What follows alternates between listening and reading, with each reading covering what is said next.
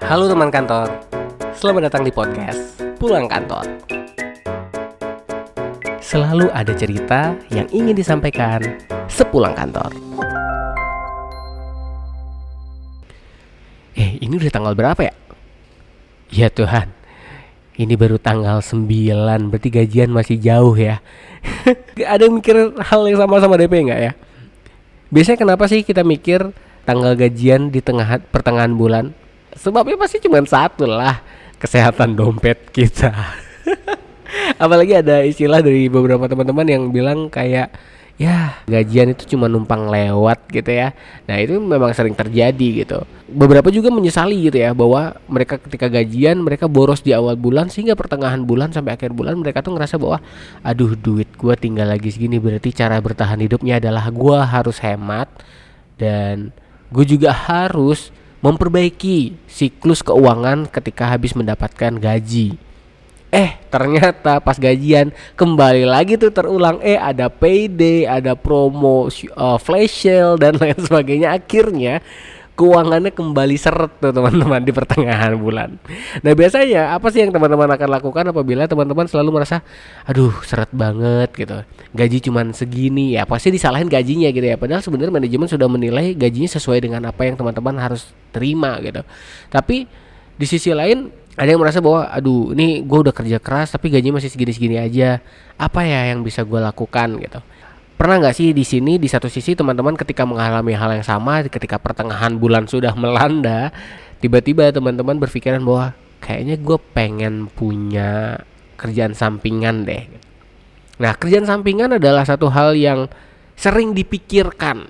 Jujur ya DP sendiri juga sering ngalamin berpikir bahwa ah kayak pengen buat kerjaan sampingan deh biar ada tambahan ketika nanti pertengahan bulan dan lain sebagainya duit masih tetap aman gitu, masih punya pendapatan tambahan. Pertanyaannya kenapa sih gitu ya? Kenapa sih seorang karyawan selalu berpikiran bahwa dia harus memiliki side job ya? Karena seperti yang sudah DP bahas tadi bahwa tidak semua karyawan merasa cukup dengan nilai yang mereka miliki saat ini.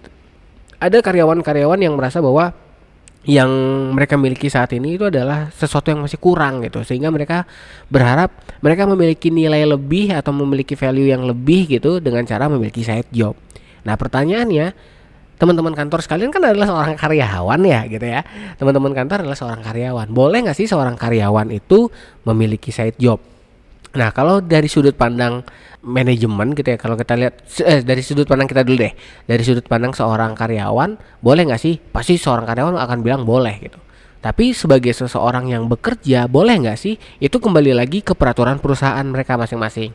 Karena sepengalaman dan sepengetahuan DP, seseorang yang bekerja di satu perusahaan itu tidak diperkenankan untuk memiliki pekerjaan di luar pekerjaannya saat ini. Setahu DP ya tapi kalau seandainya di perusahaan teman-teman memperbolehkan ya bagus-bagus saja gitu. Tetapi pada umumnya biasanya sih tidak diperkenankan.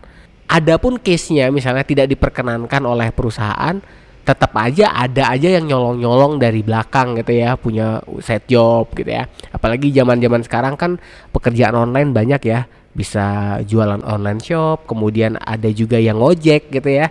Dan itu adalah salah satu cara gimana sih caranya kita bisa memiliki side job. Nah, tapi kalau ditanya boleh atau enggak karyawan punya side job, ya kembali ke kalian ya karena itu tergantung pada perusahaannya teman-teman sekalian.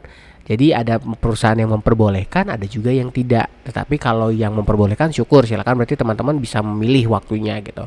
Nah, kemudian gimana sih caranya saya bisa memiliki side job? Cara memiliki side job adalah yang pertama kita harus paham dulu nih skill kita tuh di mana gitu. Tapi zaman sekarang kayaknya side job gak harus berhubungan dengan skill deh. Karena e, banyak orang itu memiliki side job bahkan mereka rela melakukan apa saja yang penting mereka dapat tambahan gitu. Misalnya seorang yang e, bekerja di sebuah perusahaan sebagai seorang uh, finance gitu ya. Tapi dia memiliki kemampuan di bidang mengajar anak SD mengajar anak SMP dia jadi guru lepasan. Bisa aja karena dia tahu bahwa dia memiliki kompetensi itu. Kemudian juga ada yang uh, merasa bahwa ah gue mau kerja yang santai aja deh yang penting dapat uh, side job yang tipis-tipis lah yang penting bisa dapat kehidupan sehari-hari jualan online atau misalnya mau juga seperti uh, ojek online dan sebagainya. Nah, itu juga salah satu hal yang masih menggiurkan banget ya untuk saat ini. Cuman yang perlu diperhatikan adalah teman-teman ketika kita memilih untuk kita mengerjakan side job, ya kita juga harus lihat pada diri kita bahwa ketika kita memiliki side job apa sih yang harus saya perhatikan? Karena sekali lagi namanya aja side job ya pekerjaan sampingan. Jadi ini bukan pekerjaan utamanya teman-teman sekalian, tapi ini adalah pekerjaan sampingan.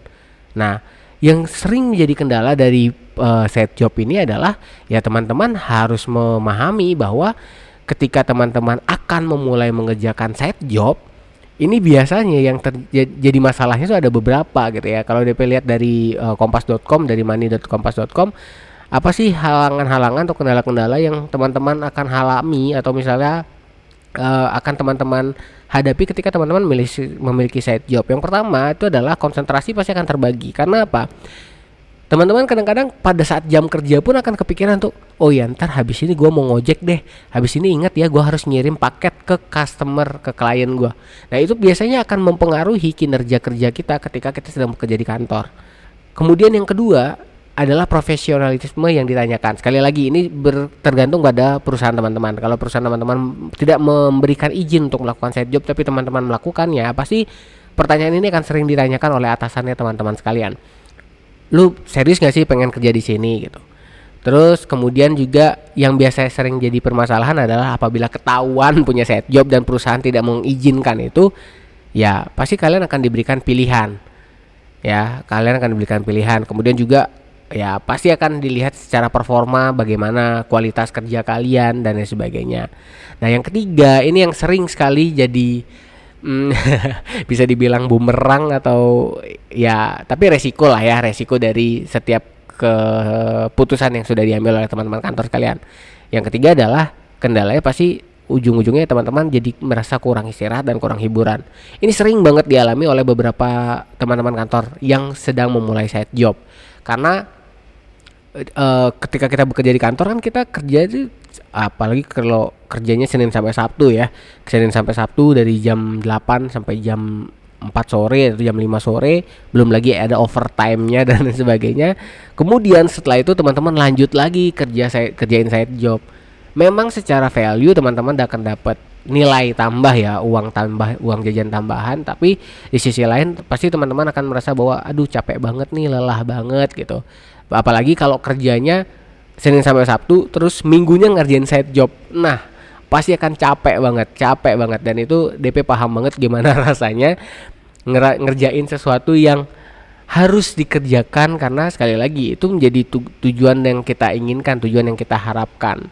Nah, tetapi kalau ditanya boleh nggak sih kita punya side job selama kita menjadi seorang karyawan? Boleh nggak sih kita berpikiran bahwa kayaknya gue butuh tambahan gitu ya? Gue butuh tambahan untuk bisa bertahan hidup minimal dari pertengahan bulan sampai akhir bulan. Silakan aja tapi sekali lagi itu tergantung dari teman-teman sekalian. Teman-teman harus bisa mengukur seberapa kemampuan teman-teman. Apakah kalau saya misalnya bekerja dari jam jam 8 pagi sampai jam 9 eh jam, jam 8 apakah saya bekerja dari jam 8 pagi sampai jam uh, eh, 5 sore? Bisa fokus nggak sih? Pekerjaan saya bisa selesai nggak sih? Nah itu teman-teman pikirkan dulu teman-teman ukur dulu kemampuannya. Kemudian kalau misalnya teman-teman kerjakan set job dari jam berapa sampai jam berapa memungkinkan nggak sih? Gitu. Teman-teman harus coba pikirkan. Apalagi buat teman-teman yang sudah berkeluarga ya itu biasanya teman-teman kantor pasti akan berat banget karena harus ada sudah sudah punya dua tanggung jawab. Yang pertama tanggung jawab di pekerjaan, yang kedua tanggung jawab di keluarga sebagai entah itu sebagai ayah atau sebagai ibu atau sebagai suami atau sebagai istri. Nah, silakan teman-teman yang tentukan. Nah, pertanyaannya uh, kalau misalnya ditanya boleh atau tidak, sekali kembali lagi tergantung dari teman-teman gimana caranya teman-teman memanage ya karena sekali lagi memang value itu penting tetapi ada juga sesuatu yang otomatis ya. Kalau misalnya kita mengharapkan sesuatu yang lebih otomatis selalu harus ada yang dikorbankan. Kalau misalnya teman-teman mau mengorbankan uh, waktu bersama keluarga ya otomatis teman-teman akan mendapatkan value lebih. Tetapi kalau misalnya teman-teman misalnya aduh udah udah cukup deh kerjanya cuma di di kantor aja terus lebih banyak waktu sama keluarga. Ya nggak apa-apa juga tapi ya resikonya adalah teman-teman hanya memiliki apa yang teman-teman miliki saat ini jadi jangan ngeluh kalau misalnya udah di pertengahan bulan ternyata keuangannya agak seret-seret dikit disyukuri aja ya. Oke itu dari DP untuk hari ini. Terima kasih teman-teman dan semangat buat teman-teman yang lagi punya side job. Kalau bisa ya bagi-bagilah side jobnya sama DP.